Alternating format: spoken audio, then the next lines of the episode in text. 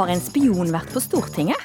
En norgesmester i hacking kommer til ukeslutt for å lære oss hvordan vi unngår å bli hacka. Knut Arild Hareide vil bytte ut Erna Solberg med Jonas Gahr Støre. Kommer han til å klare det, eller kan han ende opp med å bytte ut seg sjøl som partileder? Glem baksnakking og stygge kommentarer. Nå er det blikking som avgjør hvem som er populære i skolegården. Når man blikker, så bruker man på en måte litt mer bryn. Og viser liksom, Man er liksom bare litt sånn frekk i fjeset. Velkommen til ukeslutt i NRK P1 og P2. Jeg heter Ann Kristin Listøl. Og vi starter med dette. Det ble under dette seminaret observert eh, mistenkelig atferd fra en av deltakerne. PST pågrep jo da vedkommende fredag eh, kveld på Oslo lufthavn. Eh, Det er en russisk borger, og han er mistenkt for ulovlig etterretningsvirksomhet. Nå sier russerne også at eh, Norge lider av eh, spionmani og er ute etter russere på alle måter. Som sagt, Dette er en politisak som nå er under etterforskning, og den etterforskninga pågår.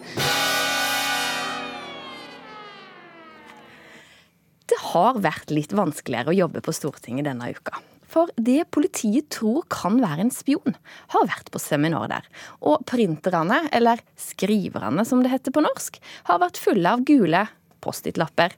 Med rosa skrift 'svært viktig', skal ikke brukes. Og mange har òg måttet levere inn mobilene sine.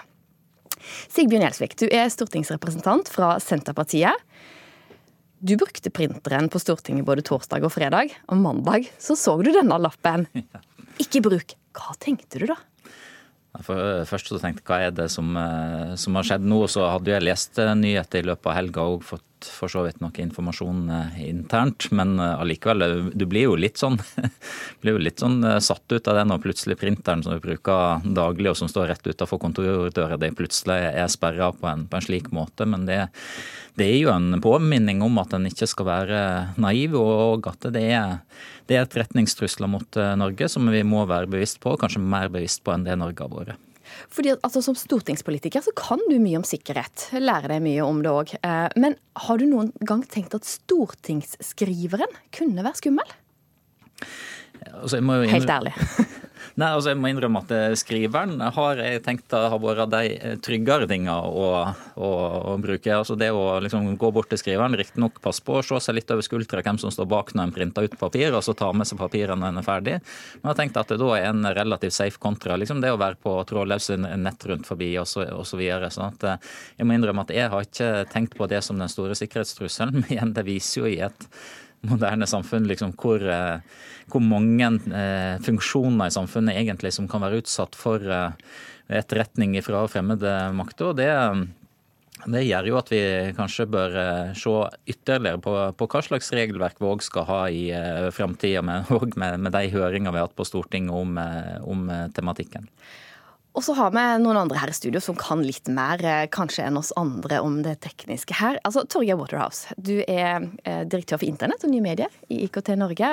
Altså, En russer er altså sikta for spionasje på Stortinget. Noe han tar avstand fra. Men sånn, på generelt grunnlag, hva er det som er mulig å hente ut fra denne printeren som Gjelsvik da har printa ting ut av? Og det er jo det kanskje den russeren egentlig ville finne ut, da, men sånn generelt så kan vi si at det er mye. Litt avhengig av hvordan den er satt opp og, og, og den, hva slags funksjonalitet den har, så kan den jo i realiteten inneholde kopi av alt som er gått gjennom den noensinne. Altså alt som er printa på den. De fleste printere nå har lagringskapasitet, og det som skjer er at man lagrer først dokumentet ditt, og så blir det printa fra den lagringsenheten. Og Da har du jo alt fra relativt godt sikra systemer med kryptering osv. til de som egentlig bare er lett tilgjengelige, altså helt åpne for de som kommer til den. Men hvordan får du fysisk henta det ut? Ja, Det er da man gjør litt magi. Eh, Det kan enten være ved å, vite hvordan den fungerer, altså kjenne litt mer til den enn en vanlig bruker, så du kan enten koble til noe eh, ved hjelp av en kabel eller, eller via nettet, eller du kan trykke på panelet og hente opp. Så det varierer veldig hvordan man kan gjøre. Og så kan du selvfølgelig også ha noe på en USB-pinne som du setter inne i printeren, og så er det noen programvare som kjøres, og så, og så videre. Så det er mange måter å gjøre det på. Og så er det også sånn at, eh, at både printer og annet utstyr er ofte ikke sikra tilstrekkelig, sånn at eh, de er sårbare punkter inn i nettet. Så det kan være vel så gjerne være at man er interessert i å komme inn i nettet til Stortinget via printeren. For da kan du finne mye mer. Da kan du finne mye gøy, eller legge igjen mye gøy, som kan være vel så, vel så relevant, selvfølgelig. Og Martin Ingesen, vi har jo lokka lytterne våre her med at vi har en norgesmester i hacking her. Eh, og det er ikke noen sånn tulleting, det. For det var faktisk eh, det var i regi av NTNU at det ble kåra et, eh, et, lag som vant norgesmesterskap, og du var på det laget. Men du jobber òg som sikkerhetsanalytiker i selskapet BDO. Mm. Hva skal vi gjøre for å unngå å bli hacka? Ikke sant? Det er jo et veldig, veldig åpent spørsmål. Uh, og det er klart, uh, først og fremst så skal vi kanskje være bevisst på uh, for det første hva vi deler, hva vi kobler oss til, hvordan vi ter oss på, på internett sånn generelt. og prøve å kanskje ikke være like naive som, som det hender, hender, vi pleier å være her i Norge. Um, det er også Sigbjørn Gjelsvik her, da, sant? som mm. har printa ut noen ting og bare Oi, trodde jo det var sikkert. Mm. Altså, Til neste gang, da. Er det noe han kan huske på og passe på? Hvis han skal printe ut sånn Senterpartiet vil veldig gjerne gå i regjering med Knut Arild Hareide. Hva er det han kan passe på sjøl? Nei, altså Det er jo det som er litt, uh, litt tricky. da. Fordi at uh, Her er det, har dere en printer som er satt opp av en IT-avdeling. Uh, og Man har liksom ikke så mye kontroll på den selv. og da er det jo Man må jo på en måte bare stole på at printeren er satt opp riktig. Eh, man får ikke gjort så mye annet, egentlig. Eh, og så er det jo opp til IT-avdelingen, eller de som drifter disse printerne, å sørge for at de er oppdatert, at de ikke har 111 som passord eh, til admin-innlogginga, og at de ikke mellomlagrer dokumenter for lenge, da. Sigbjørn Gjelsvik, hva slags ting er det du har printa ut? Nå sier jeg printe hele tida, men skal jo skrive på norsk. Hva slags ting er det du har skrevet ut som du tenker Uff, det var dumt jeg har skrevet ut det nå.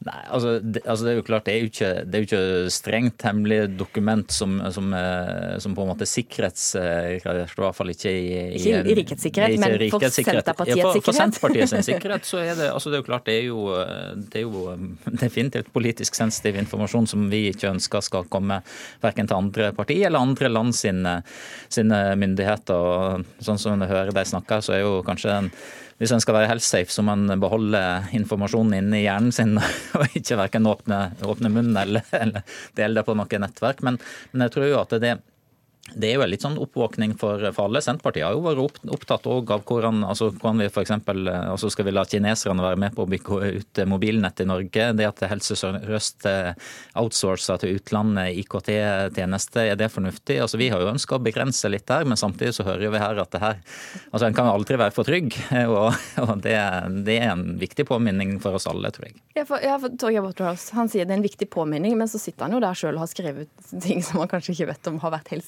sikra. Hva, skal vi gå tilbake til det analoge? Nei, veldig enkelt. Det skal vi ikke gjøre. Når det er sagt, så vet jeg at det finnes noen uh, nesten-hemmelige organisasjoner i Russland som har kjøpt inn ganske mye skrivemaskiner. sånn at uh, det er noen som gjør, går den veien for å holde ting hemmelig. Men, men det viktige i dette er at, uh, at når vi gjør ny, altså tar i bruk nye metoder, bruker ny teknologi, så er det også andre risikoer som oppstår. som vi må passe oss for. Og så har vi en tendens til å sånn, ha liksom forsinkelse på at vi beskytter oss mot det vi er vant til å beskytte oss mot. Og så tar det litt tid før vi beskytter oss mot de nye risikoene.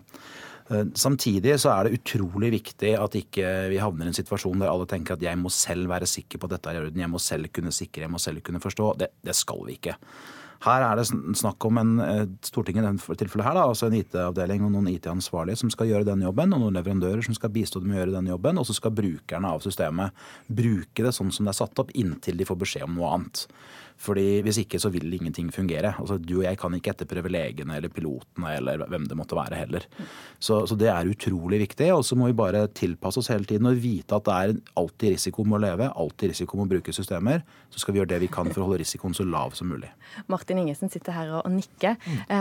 Det, det, har jo dukka opp en ny sak òg nå. Altså, I går så kom det at Facebook forteller at 50 millioner Facebook-brukere kan være ramma av et sikkerhetshull. Mm. Og Brukernes konto kan ha blitt overtatt. Altså, ikke sikkert du kan svare helt konkret på det, men eh, for meg sjøl er litt sånn Oi, hvordan kan jeg vite om noen har vært inne og fått tilgang til min konto? Nei, det er jo Eh, I det tilfellet her så ble jeg logga ut av Facebook, jeg også. Så ble, jeg ble tydeligvis påvirka av dette her. Men eh, det er jo litt vanskelig å vite. Hva gjorde du da? Nei, altså da Jeg bruker et unikt passord på min Facebook-konto. Eh, og lurte først og fremst på hva er det som har skjedd? Hvor, er inngangsmetoden til de som har hacka meg? Eh, men jeg har et unikt passord på Facebooken min, jeg har et unikt passord på, på mailen min og sånt noe. Jeg har to faktor og satt opp disse tingene. Så, så jeg var ganske tilbakelent på at liksom, her er det bare et eller annet tull fra Facebook sin side. Men så var det denne hendelsen med Facebook eh, som vi ikke helt vet eh, hva som har skjedd med ennå. Men de har klart, sant? De har klart å få tilgang på din, og så har de logga deg ut. Mm. Men- Eller nei, altså Facebook har jo logga meg ut. De har da Ja. liksom eh, Som et sikkerhetstiltak, da. Men hvordan vet du om noen kan da sitte inne og ha noe tilgang på din Facebook-konto? Jeg antar at eh, Facebook har rydda opp i det nå, Ja. men de kan jo potensielt ha tilgang, altså hatt tilgang til Facebook-kontoen min. Det er mulig. Og så eh, altså et spørsmål til slutt om, med, til Torgeir Waterhouse her med altså, denne spionen. Altså, sant? Da, hører, du fikk høre at det blitt lagt merke til, eh, gikk tett opp til printerne, tok litt rare bilder og sånn. Eh, For oss som har sett litt spionfilmer, da, eller sitter i denne her byrået altså, Det er jo ikke sånn spioner er. Det er helt umulig å oppdage de. Så kanskje det ikke er Ja, det er veldig få spioner med duffelcoat og oppretta krage. Så, så, og de møtes sjelden på Bror i Øst-Berlin, som vi har lært av, av, av John Le Carré. Men det vi må være klar over er at vi har mange mennesker rundt oss hele tiden som er der for å samle informasjon. Noe av den informasjonshentingen er fullt lovlig. Det er bare litt irriterende for oss at noen følger godt med. Annet er godt over grensa. Og, og det er det vi antagelig har sett et eksempel på her. Noen som har gått eh, langt over en grense for hva vi kan akseptere.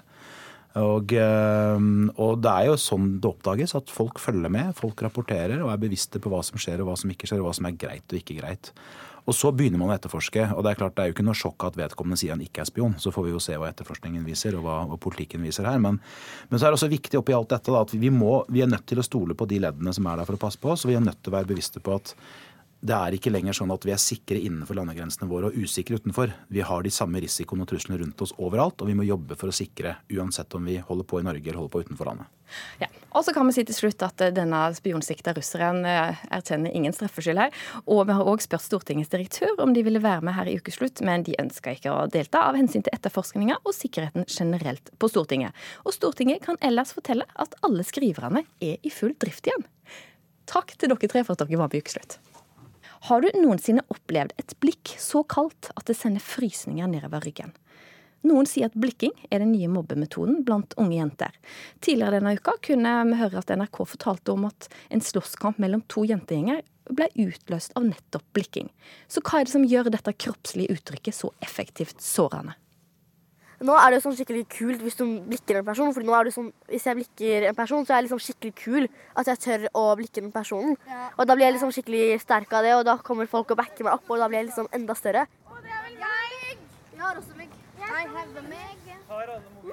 På settet til NRK Supers nye dramaserie Lik meg er det snart klart for opptak. Dette er serien som tar for seg hvordan det er å gå i syvende klasse. Eller vi kan la skuespillerne Andrea Linne, Jasmin Tobiassen, Eline Aanstad og Sana Omar fortelle oss hva dette handler om. Det er mye det er- drama og sånn. Ja, at noen er populære, andre er ikke. Og... Det viser mye av livet til en eh, syvendeklassing. Ja, hvor realistisk er det, vil dere si?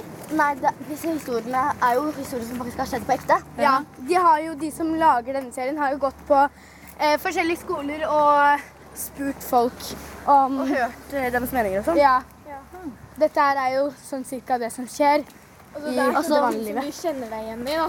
Ja, det er sånt som du føler som kunne skjedd med deg, eller som faktisk har skjedd med deg. Er det noen sånn spesielt temaer dere syns er veldig viktig å få fram Da? Mobbing. Mobbing. Mobbing. Ja, Og utestenging, blikking. Og så er det det med blikking. Tydeligvis er dette en kjent ekskluderingsmetode på barne- og ungdomsskoler. Er det det samme som himling med øynene? Ja. Litt eh, den måten. Men litt styggere. Ja. Litt styggere. Hvorfor er det styggere enn himling? Fordi eh, det er på en måte at man stirrer mer, og stirring er jo stygt. Ja. Men himling med øynene er jo også ganske frekt, da. For Ja. det, det beviser at man ikke bryr seg. ja, det er litt samme greie, men liksom Når man blikker, så bruker man på en måte litt mer bryn. Og viser liksom, Man er liksom bare litt sånn frekk i fjeset. Dere er jo skuespillere. Kan dere lære meg å blikke? Eh, hvis du liksom tar øynene og liksom «Åh», Og så lager du en lyd som for eksempel uh, Eller liksom sånn Og du kan også bare stirre sånn. Du stiller Ja. liksom bare på en person. Og liksom heve bryna litt og tenke liksom, bare prøve å se ned på den personen. Men hvordan føles det egentlig å bli blikket? Det føles ikke noe greit ut, egentlig. Jeg føler at eh, eh, det er egentlig veldig fælt og man får sånn klump inni seg og tenker da, det, det, kommer opp så mange tanker om at du ikke er bra nok, og sånne dumme ting som man egentlig ikke burde tenke. Men det kommer så veldig lett opp når det blir blikka. Og disse jentene vet at blikking ikke kun er et stygt blikk, men det kan også føre til noe enda større veldig veldig synlig. Ja. Det skjer veldig veldig ofte. Med en gang det er sånn liten krangel, så kan det bli en veldig veldig stor krangel. Det har faktisk det skjedd liksom... på min skole at det er en liten krangel som handler om en liten ting, og så blikking og litt stygge ord og sånn, det har ført til en sånn kjempestor krangel, og den har faktisk vart i et halvt år nå, og den er ikke over ennå, av det skjedde litt blikking og litt ja, snakk. Alt sammen starter med de blikkinga, og så for eksempel Du starter med lite, og så blir det bare veldig stort.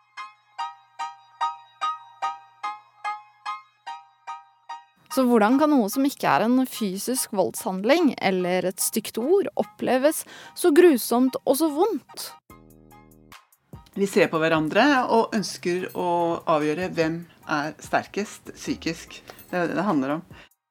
Dette er kroppsspråkekspert Live Bressendorf Linseth. Eh, og hvem leder an? Hvem er den dominerende i denne situasjonen?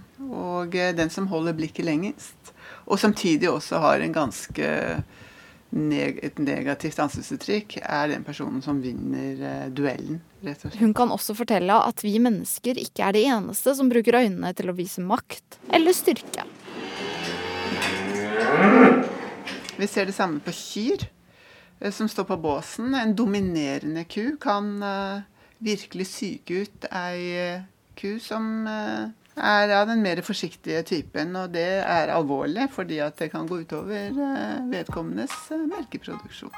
Blikking kan eh, kanskje bli framstilt som et ungdomsfenomen, men stemmer dette? Du kan se det i voksenverden når folk f.eks. er på arbeidsplassen sin og har et møte. Hvis noen ønsker å markere at det jeg nå sa, innlegg på et møte, at det innlegget mitt er bedre enn ditt, så kan de f.eks. Eh, når de er ferdig med innlegget, blikke. Og så er det jo da, ikke sant, greia her er Det er snart klart for kveldens siste opptak i høstkulden. Og jentene forbereder seg ikke kun til siste scene, men også det å bli gjenkjent på gaten. Kanskje det kan føre til noen blikk? Men nå må vi jo kanskje lære oss å takle blikking litt bedre siden vi kom på TV. Og ja, har er flere, flere, folk som stirrer og Ja, jeg har fått litt sånne kommentarer på sosiale medier og sånt. Og Oi, Luna er veldig slem. Er du sånn i virkeligheten? Og jeg har fått sånne kommentarer og sånn. Men jeg er ganske sikker på at veldig mange kommer til å se litt sånn ekstra på oss.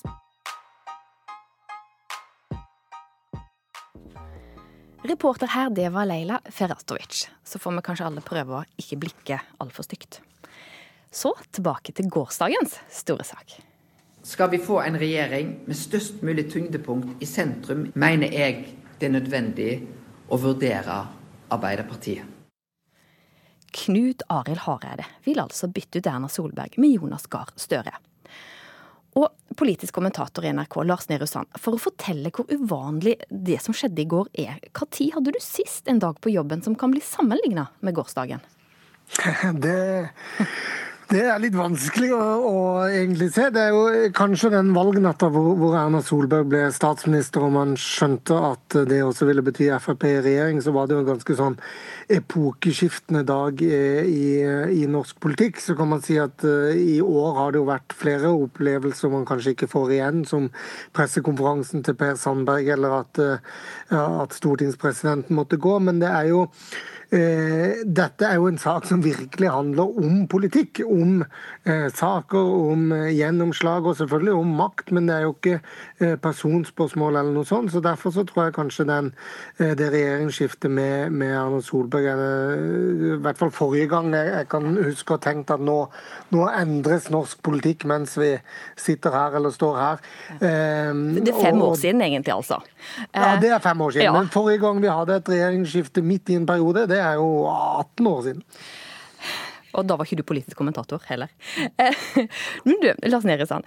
Altså, hvis Hareide lykkes med å få med seg partiet, eh, og så gå i regjering med Arbeiderpartiet og Senterpartiet, mange forbehold her, men hvis han lykkes med det, type regionreformen, hva vil skje med sånne saker der landet egentlig har vært splitta fordi mange ikke ønsker å bli slått sammen?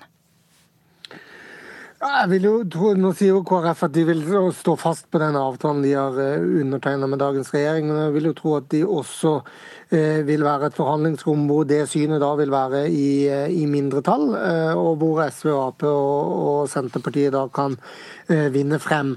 Eh, men så er det jo klart at i det forhandlingsrommet så vil jo KrF også ha behov for sine store gjennomslag, enten det da er fortsatt eh, kontantstøtte eller økt barnetrygd, hvor jo eh, Kristelig Folkeparti og SV faktisk er, enige, men hvor Arbeiderpartiet ikke har vært like tydelig på den saken. Og det er jo det som, litt kan skje her, at man da må Alle partier vil trenge noe som kan berettige at de har gått med på denne avtalen, selv om alle nok vil, eller i hvert fall de, de tre andre, da, Arbeiderpartiet, Senterpartiet og SV, som uansett må, må inngå i stortingsflertallet, eh, vil selvfølgelig si at det er en seier at, at eh, Solberg går av. Altså, med et, til slutt her, med et parti som er splitta. Eh, Hareide eh, vil gå til, til, Arbeiderpartiet og Senterpartiet. Nestlederen er uenig med han. Hvordan må Hareide navigere for å få til dette, for å unngå at han ender opp med å bli den som må gå? Han må overbevise nok folk til at uh, tvilen kanskje kommer han til gode. Det er, jo, det er, jo mange i KrF som er ganske hardt posisjonert på den ene eller andre siden, men det er den gruppa i midten Hareide må uh, overbevise. Og så uh, er det jo en litt styrke når han nå ikke gjør dette i landsstyret, hvor det kanskje er en 30-40 stykker til stede, men på et landsmøte hvor det er 300-400 stykker til stede, så vil jo han i kraft at hvis han får flertall på et landsmøte, ha gjort en, en, en formidabel forankringsjobb, med mindre det blir en veldig tight avstemning med bare noen få stemmers overvekt. Eh, og da vil Hareide ha, ha lykkes med, med, noe som mange så på som umulig til for kort tid siden, og sikre at det eh, er et vektigere resultat når det er så mange som har vært med, enn om man bare hadde gjort det i et landsstyre. Tror du han vil klare det? Det syns jeg er helt åpent, nettopp fordi jeg tror han vil slite mer med landsmøtet enn han ville gjort med et landsstyre. Eh, med et landsstyre så ville det vært ganske tight, men jeg tror han hadde klart det. Med et landsmøte syns jeg det er mye mer åpent. Lars Nehru Sand, politisk kommentator i NRK, takk for at du var med oss her i Ukeslutt. Og du, du hører på Ukeslutt. Fortsett med det, og så skal du få høre mer om hva skal til for at det blir tryggere å sykle her i landet. Astrid Hildrum mener det er kaotisk og farlig når hun sykler til jobb et kaos uten like, hvor det egentlig burde vært et advarselskilt om at her er det ikke framkommelig i det hele tatt, etter min mening. da. Og en rektor foreslår å droppe høstferien for russen. Vil ikke hjelpe, svarer Unge Høyre, for da vil russefeiringa bare starte enda tidligere. Er det trygt å være syklist i veibana sammen med busser, tungtransport og biler? Nei, mener Syklistenes Landsforening, som beskylder Vegvesenet for å glemme syklistene når de planlegger å bygge nye veier. De skal ta debatten her i ukeslutt, men først skal vi ut på sykkeltur i rushtrafikken i Oslo. En buss kjører ved siden av meg. Det er nesten bare å strekke ut armen og ta på den. Det pleier jo av og til å være ganske mange busser som står rett foran her. Astrid Hildrum sykler foran meg. Vi er i dronning Eufemias gate i Oslo, hvor syklisten er tildelt ei rød stripe asfalt i veibanen. Så man på en måte ikke kommer forbi bussholdeplassen, og heller ikke egentlig klarer å helt uh, se hvordan situasjonen er foran. Så da Når bussene skal inn til fortauet for å slippe av eller ta på passasjerer, blir sykkelstripa opptatt. Da må syklistene enten ut i veibanen eller opp på fortauet. Nei, altså Det er mye sånn forvirring om hvor du skal sykle. Hvor skal jeg sykle når jeg kommer derfra over dit for å komme meg bort dit jeg skal? Altså Du må egentlig gjette deg fram, da, ikke sant. Så det kunne vært markert bedre, og det kunne vært lagt opp til bedre for oss syklister, da, egentlig. Hva er det du tenker over når du er ute og sykler, da? Jeg er litt andre syklister. Ellers så gjelder det å se seg om til alle kanter. For å ikke gå under radaren på de store bilene. Du er ikke skremt fra å sykle? Litt, kanskje, men jeg gjør det likevel. Er det tilrettelagt for sykkel der, syns du? Ja, det var i hvert fall prøvd.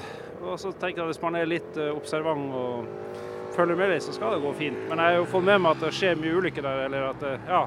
En sykkel som er malt helt hvit, står ved en benk i Operagata mens trafikken suser forbi. På benken ligger det blomster og kort hvor noen har skrevet om den 38 år gamle kvinnelige syklisten som døde i møte med en lastebil for to uker siden. Hun var en av sju omkomne syklister så langt i år. Årlig er det opp mot tolv som dør. Og man, man, får på en måte et helt konkret uh, slag i fjeset, uh, nærmest, på hva som egentlig har skjedd her, og hvor, hvor, hvor grusomt det egentlig er. Det, det, ser veldig pent ut, men samtidig så skjønner du jo med en gang at dette er jo en, en, en uh, fryktelig hendelse. Astrid Hildrum, som pleier å sykle samme rute som den drepte kvinnen, ble så opprørt at hun la ut bilde av den hvite sykkelen på Facebook og krevde en forandring. Hildrum håper flere syklister vil protestere. Jeg tror at i hvert fall vi trenger på en måte at, at, at det blir mer synlig nå. At det er, at det er flere som husker, da, både, både kvinne 38 og andre som da på en måte eh, i sitt hverdagsliv prøver å, å, gjøre det som er riktig både for seg selv og som på en måte er etterstrebet og ønsket av, av myndigheter og politikere, og, og sykler istedenfor å, å kjøre bil. og og ta vare på helsa si, og, og, så bare møter de dette, da. Et kaos uten like, hvor det egentlig burde vært et advarselskilt om at her er det ikke framkommelig i det hele tatt, etter min mening, da. Det er jo mange som kjører som syns at uh, syklistene er de som mm. bærer uh, hovedansvar for at det blir uh, kollisjoner og ulykker. Mm. Ja, det kan jo se litt sånn ut når du på en måte ser konkrete situasjoner. Men for min del så prøver jeg alltid å å sykle i sykkelfelt hvis det går an, og er en forsiktig syklist. Så når jeg hopper opp og ned og gjør som best jeg kan midt i denne paradegata, eller eh, hva man skal kalle den, så er det fordi at jeg ikke har noe annet valg. Og du kan si at eh, det blir jo en sånn ond sirkel, da, For hvis man da ikke klarer å lage eh, gater som tilrettelegger for sykling, så får jo ikke man en god sykkelkultur heller. Man blir jo vant til at man er nødt til å gjøre snarveier og dårlige løsninger og bli sånn italiensk storbysyklist, fordi at det er ikke noen eh, Du har ikke et valg. Det var reporter Kari Li som var ute og sykla med Astrid Hildrum. Og her i studio så har jeg både med Morgan Andersen, som er generalsekretær i Syklistenes Landsforening, og Tanja Loftskaren, som er sjefingeniør i Stats, Statens vegvesen. Og dere to har jo egentlig hatt en liten sånn kronikkutveksling i Aftenposten, der dere er litt uenige om noen ting og litt enige om andre ting. Men i dag på NRK Ytring så har òg du, eh, Andersson, et eh, kronikk der du sier at veldig mye kan bli gjort for å redusere antall sykkelulykker, men da kan ikke veimyndighetene legge hele ansvaret over på syklistene. Hva er det du eh, mener er så problematisk med sånn som eh, det blir rigga til her? Eh, det er mange tiltak som må gjøres. Vi har et nasjonalt mål om å øke sykkelandelen til 8 eh, nasjonalt, 20% i de større byene. Samtidig så ligger det i Nasjonal transportplan et mål om at antall hardt skadde og omkomne skal ikke øke samtidig. Den som sitter med det utøvende ansvaret der, det er Statens vegvesen. Og da må vi se på hvordan, eh, hva slags tiltak er det de da eh, setter i gang for å nå disse målene? Hva slags ressursbruk og hva slags kommunikasjon bruker de for å nå dette, dette, målene? Vi mener at det er unyansert når det gjelder blindsone, at mye av ansvaret legges på syklisten, uten å se på løsninger som, som er retta mot selve årsaken, nemlig at en trafikantgruppe bryter vikeplikten. Og her finnes det løsninger. Det finnes teknologiske løsninger, og ikke minst må vi bygge separat infrastruktur. Ja, Tanja Lofskaren fra Vegvesenet. Altså, som vi hørte i reportasjen her, Det blir ingen god sykkelkultur, sant? men det blir kaos uten tilrettelegging, sa Astrid Hildrum. Hva er det som er, er galt på vei når, når syklistene opplever det som farlig i ei helt ny gate? Først må jeg si at jeg, skjønner frustrasjonen til deg som sykler i Oslos gater. Som syklist sjøl kjenner jo jeg at det er flere steder som det er utrygt å sykle. Og det handler jo om, som det kom fram i reportasjen her, om at det er mye trafikk med mange trafikanter han skal forholde seg til og tilrettelegge for. Og det er dårlig tilrettelagt somme steder. Vi har ikke gode nok sammenhengende lenker. Det er stykkevis og delt. Og som damen sa, du blir litt uforutsigbar som syklist. Og dette jo, kan vi høre syklister si over hele landet. Og så kan du tenke at ja, det er forståelig når det er en gammel vei. Men dette som eksempelet i, i denne reportasjen her er jo en ganske ny vei. Eh, selv om det er Oslo som er et case, da. Altså Dronning Eufemias gate. Det er en veldig ny vei. og eh, veldig brei vei, mange meter brei, men knapt nok plass til syklistene. Hvorfor er det prioritert på en sånn måte på en helt ny vei? Ja, men Jeg er helt enig i at det er ikke optimale forhold for sykkel i, i dronning Efemias gate. Og Nettopp derfor har vi gjort flere tiltak i etterkant. Det Vi har sørga for oppmerka sykkelfelt, lagt en eh, sykkelvei bak holdeplass og innført restriksjoner på eh, bil i rushtid. Men så er det slik at denne gata ble planlagt tidlig på 20-tallet. 2020-tallet. Ja, ikke 2020, men eh, tidlig på 2000-tallet. Ja. Eh, og det er mange sine ønsker som er inkludert inn i planen på dronning Efemias gate. Og hadde vi bygd gata i dag og planlagt gata i dag, så hadde nok vi tenkt annerledes. Men så er det jo viktig å si at eh, det er et byggeområde i Bjørvika. Det blir bedre på sikt. I løpet av 2019 så vil Operagata bli tilrettelagt for sykkel. Ja, Morgan Andersen, sånn. Altså, eh, det er jo litt dyrt òg, å sørge for god sykkelvei over hele landet. Så hva hvis vi ikke har råd til dette? Ja, Det må vi bare ta oss råd til. for det, som sagt, det ligger klare føringer, klare mål i Nasjonal transportplan, og da må midlene følge med. Eh, det er satt av 1000 milliarder til vei i neste transportplanperiode på tolv år. Eh, og hvis vi ser på hvor mye som settes av til sykkelvei, så, så er det mye, mye, å gå på der. Og Når det gjelder å, å hensynta alle interesser, jo, og da er vi i kjernen av problematikken, i hvert fall når det gjelder Dronning Eufemias gate, det er jo det som er problemet. Vi har ikke areal til å imøtekomme alle interesser. Og Da må man ta uh, harde prioriteringer, og da må man følge da nasjonale uh, transportplan. Hvilke mål som ligger der?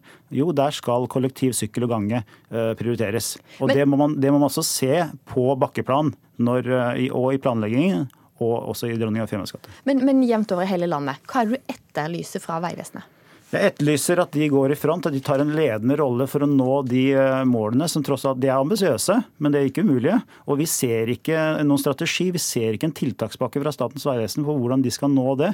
Vi ser ikke at de prioriterer ressurser på riktig måte for at vi skal nå de målene. Vi må bygge sammenhengende sykkelinfrastruktur i de store byene, mest mulig separat. Kommunene må selvfølgelig være med, men Statens vegvesen må lede det arbeidet. Og det har de ikke, den rollen har de ikke tatt.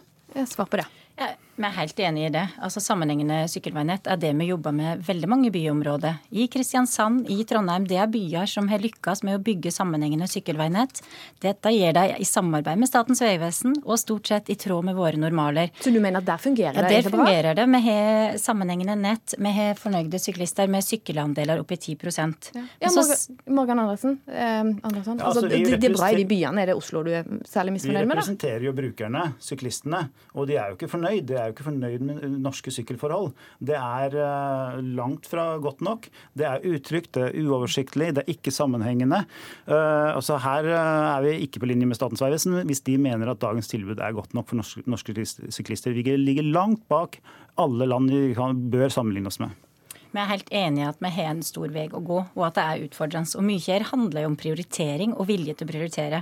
Og nettopp derfor så syns jeg jo det er fint at Oslo nå tross alt lykkes med å få til mange gode tiltak i indre by. Men så har vi noen utfordringer, særlig i forhold til trafikksikkerhet. Og det er en ting vi tar på alvor. Vi gir mange gode tiltak for å sørge for at det skal være sikkert. Men vi har ansvar for de store riksveiprosjektene, de som går i og gjennom byområdene. Og der prøver vi så godt vi kan å bygge fysisk atskilte sykkelveier. Men det er vanskeligere i indre by, der det er knappe arealer, det er mange du skal tilrettelegge for, og der er det vanskeligere å få til egne løsninger for sykkel.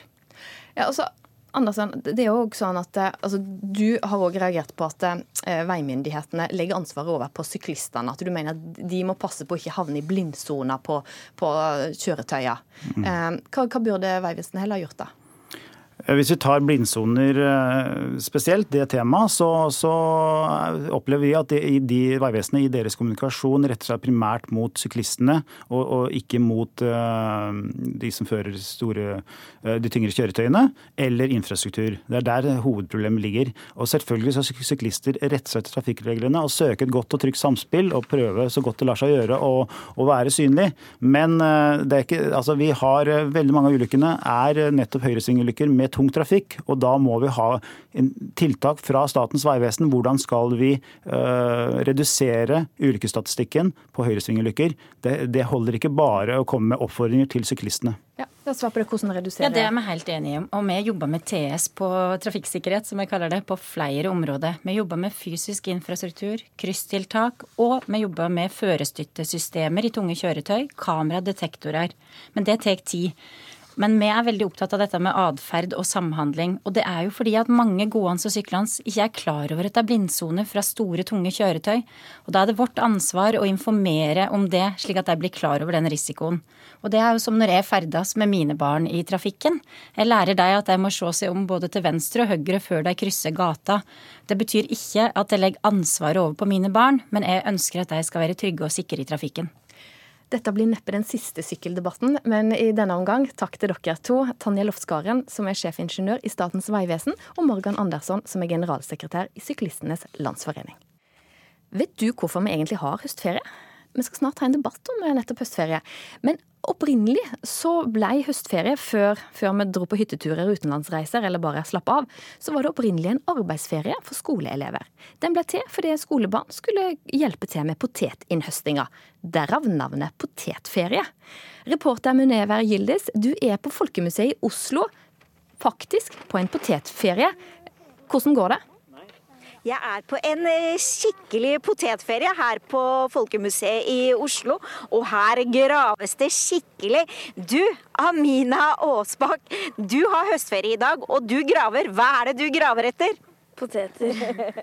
Du, har du gjort dette her før, eller? Nei. Ikke? Hva tenker du om det, da? Uh, gøy. Men har du fått noen poteter, da? Ja. Ja, det er noen veldig små poteter Amina har fått i en hvit eh, pose. Og så er det Nora som er her. Oi, Nora! Det var en stor potet. Ja. Du, Har du gjort dette her før? Nei. Men vet du at uh, før i tida så kunne barn uh, tjene penger på å hente opp poteter i høstferien? Hva tenker du om det? Eh, bra. Ja, Kunne du tenkt deg å tjene litt penger på dette her? Mm. Eller vil du bare ha poteter til middag? Ja. Var det det? Ja, kanskje. Nei, jeg vet ikke helt. Litt vanskelig.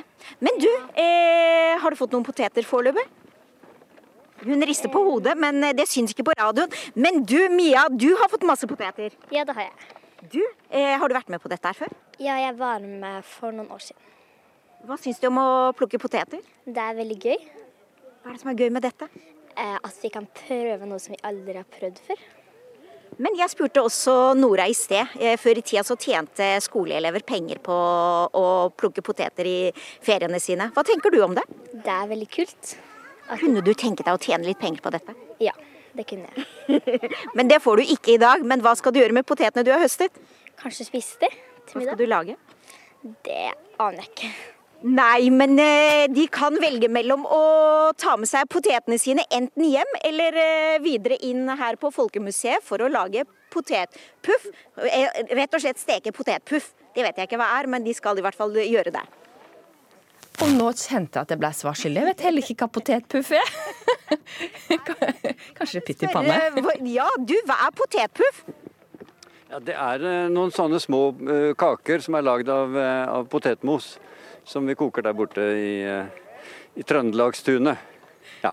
Dette var altså bonden her på Folkemuseet, han som hjelper barna med å plukke poteter. Han visste hva potetpuff var. Takk til deg, reporter Muneva Gildis. Og Vi skal snakke da om denne her opprinnelige potetferien eh, som ble til høstferie. fordi at Rektor ved den private videregående skolen Otto Treider mener at han har løsninger på ei utflytende russetid. Dropp høstferien og framskynd eksamen, så kan russetida starte type 17. mai. Inge Johnsen, du er den rektoren som har sagt dette her til NRK tidligere i uka. Hvorfor vil det hjelpe å droppe høstferien? Det kan være ett av flere forslag til å få effektivisert uh, undervisningstiden fra høsten og frem mot uh, andre semester på VG3 for avgangselevene. Uh, og slik det er nå, så mister jo elevene opptil tre-fire uker av undervisningen sin i april-mai fordi de fester. Og hvis vi kan jobbe inn tid eh, om høsten, så vil vi kunne flytte eksamen eh, tidligere. Og jeg tenker nok at målet må være å få eksamen til å være ferdig 16. mai. Og da kunne man flyttet russefesten til 17. mai og tiden etter. Og det ville vært en vinn-vinn-situasjon for festglad ungdom og lærere og læringsutbytte, altså rundt baut. Konstruktiv, et konstruktivt forslag um, fra en rektor her. Og Daniel Skjevik Aasberg, du er første nestleder i Unge Høyre. Det er fem år siden du var russ. Høres ikke dette fristende ut å kunne blitt ferdig med eksamen og så bare feste og ha det gøy? jo, det høres, uh, høres, veldig fristende ut, og det er jo målet til Så du sier ja? eh, ja, med, kanskje med et uh, lite forbehold. fordi måten som, sånn som skoleåret er organisert på i dag, så er det jo nettopp det som er problemet, at eksamen havner rett etter russetiden. Og det som vi ønsker istedenfor, er jo å ha eksamen før russetiden. Men vi vet jo allerede i dag at russen har russefeiringen sin fra 1. mai til 17. mai. Og det å da si at man skal ha russe eller eksamen rett, rett inn i den perioden, det vil ikke nødvendigvis føre til at man endrer det mønsteret med å ha russefeiringen fra 1. til 17. mai. Så det må vi eventuelt komme tilbake. Ja, Det er litt vanskelig å spå, da, men da Arbeiderpartiet flyttet eh, russefeiringen, eh, eller flyttet eksamen til etter russefeiringen i 1979, så hadde det jo ikke noen effekt på russetiden i det hele tatt. Russetiden fortsatte å være akkurat da russetiden var, og det var fra 1. til 17. mai. Ja, for Inge Johnsen, hvis du flytter det tidligere, kan ikke russetida bare bli forlenga? Og at du får enda mer fest og fyll, nettopp det motsatte av det du vil ha? Det tror jeg ikke, fordi uh, da har vi kong Vinter på laget. Hvis uh, eksamene begynner rundt uh, eh, 1. mai, slutten av april, så vil det være lite trivelig å starte russefeiringen i begynnelsen av april. Da er det kaldt i Norge. Så feiringen den øker i takt med temperaturen og solen på himmelen. Og det er det som er poenget mitt her, at slik det er i dag, så er det tap for alle parter. Det er tap for den enkelte elev, som mister masse verdifull eh, undervisningstid og, og, og arbeidstid. Og så blir russetiden også en veldig vond tid for veldig mange ungdom. fordi de på den ene siden så fester de, og det skal de få lov til. Men de lever også da i krysspresset med at de skal ta seg sammen de siste ukene før standpunktskarakter skal settes, eksamenskarakterene kommer osv. Så, videre. Så ved å forskyve dette, altså få en intensiv undervisningsøkt frem til april, så vil vi kunne få en helt annen eh, situasjon på vårparten. Og dette gjelder ikke bare VG3, men det gjelder også VG1 og VG2. altså De, de lavere trinn på videregående de kunne fått mer ro i perioden etter 17. mai enn det vi har nå. For nå er både eksamener på første, annen og tredje trinn klemt inn i samme periode, sånn stort sett. Så det er en ekstremt hektisk periode. Og med regjeringen nå øh, ønsker å se på mer effektiv bruk av tiden etter 17. mai og fram mot sommerferien. Og det er et bra tiltak. Men de hopper bukk over russetiden. Og der er bøygen. For det er, en, det er, en, vond tid, og det er en negativ tid. Og det er ikke minst negativt for veldig mange. Og det siste jeg vil si her, det er at slik jeg ser det, så er det partyløvene i videregående skole som får gehør hos rikspolitikerne og i embetsverket. Det, det, er ikke de rolige elevene, de mer seriøse elevene, som ønsker en, en, en annen modell. Så det, det, er et voldsomt krysspress blant de unge, og jeg mener at vi må komme dette møtet med noen gode, nye forslag. Snu noen steiner. Mm. Ja, for Åsberg, Kunnskapsministeren hadde ikke tid til å være her, eller hadde ikke anledning til å være i dag, så du blir representanten fra regjeringa, som, som, sitter fortsatt. Mm. Men han sier at det er partyløvene som blir lytta til. Hva, hva, vil du gjøre for å fikse dette problemet han trekker ja, opp? Jeg, jeg, tror jeg og rektoren er veldig enig i dette problemet. Jeg vil si at jeg deler veldig mye, mye av problembeskrivelsen her. Og jeg tror først og fremst jeg skal være en representant på vegne av Unge Høyre, men også Høyre har jo eh, vedtatt ja, dette i sitt program. Sier du at du faktisk snur litt? For Vi trodde at du var litt, eh, var litt uenig i forslaget, men argumenterer han så godt at du faktisk støtter han? Ja, problemet er bare at jeg vil flytte, den, flytte, russe, flytte eksamen enda lenger før russetiden. fordi målet er at man skal være ferdig med eksamen når russetiden begynner. Det er naturlig naturlige er jo å ha eksamen først og feiringen etterpå. Og sånn som det er i dag, så er altså feiringen starter 1. mai og er ferdig 17. mai. Eksamen starter etter 17. mai. Eh, og målet da er å flytte eksamen sånn at det kommer før 1. mai. Jeg vet at det blir veldig vanskelig, men det er sånn at vi må få timetallet til å gå i hop. Vi må sikkert diskutere også arbeidstid for, for lærerne. Det er en ganske komplisert måte å få dette til på, men jeg tror nok løsningen her, som vi begge er enige om, er at vi skal ha eksamen før russetiden. Ikke under, ikke etter, men før. Har du fått en, eh, Inge Jonsen, har du fått en alliert for å nå gjennom hos eh, rikspolitikerne, eller? Det håper jeg. Eh, fordi det har i altfor lang tid vært en berøringsangst hos politisk ledelse i Norge. Og det er uansett partitilhørighet. Det er partyløvene som får sympatien. Det er en frykt for å på en måte gjøre seg upopulær i den gruppen. Helt utrolig, men sånn er det i Norge. Så hvis Unge Høyre her kan være med på å se på denne modellen, så tenker jeg at vi er kommet et skritt nærmere. Og så vil jeg jo si det at for øh, avgangselevene så vil det være en fantastisk gulrot å kunne være ferdig med videregående allerede 17. mai. Så det er sånn Totalt sett så vil de få det samme antallet timer med undervisning, men de vil få en mye mer sammenhengende eh, eksamensperiode, og så vil de kunne gå ut i en velfortjent ferie med, med fest og moro. Og det unner vi dem. Da sier vi takk til doktor, men hold oss oppdatert på hva som skjer. Eh, takk til deg, Inge Johnsen, rektor ved Otto Treida videregående skole, og Daniel Skjevik Aasberg, første nestleder i Unge Høyre. Ukeslutt går mot slutten. Ansvarlig for denne sendinga har vært Linn Beate Gabrielsen. Teknisk ansvarlig Hilde Tosterud. Jeg heter Ann Kristin Listøl. God helg!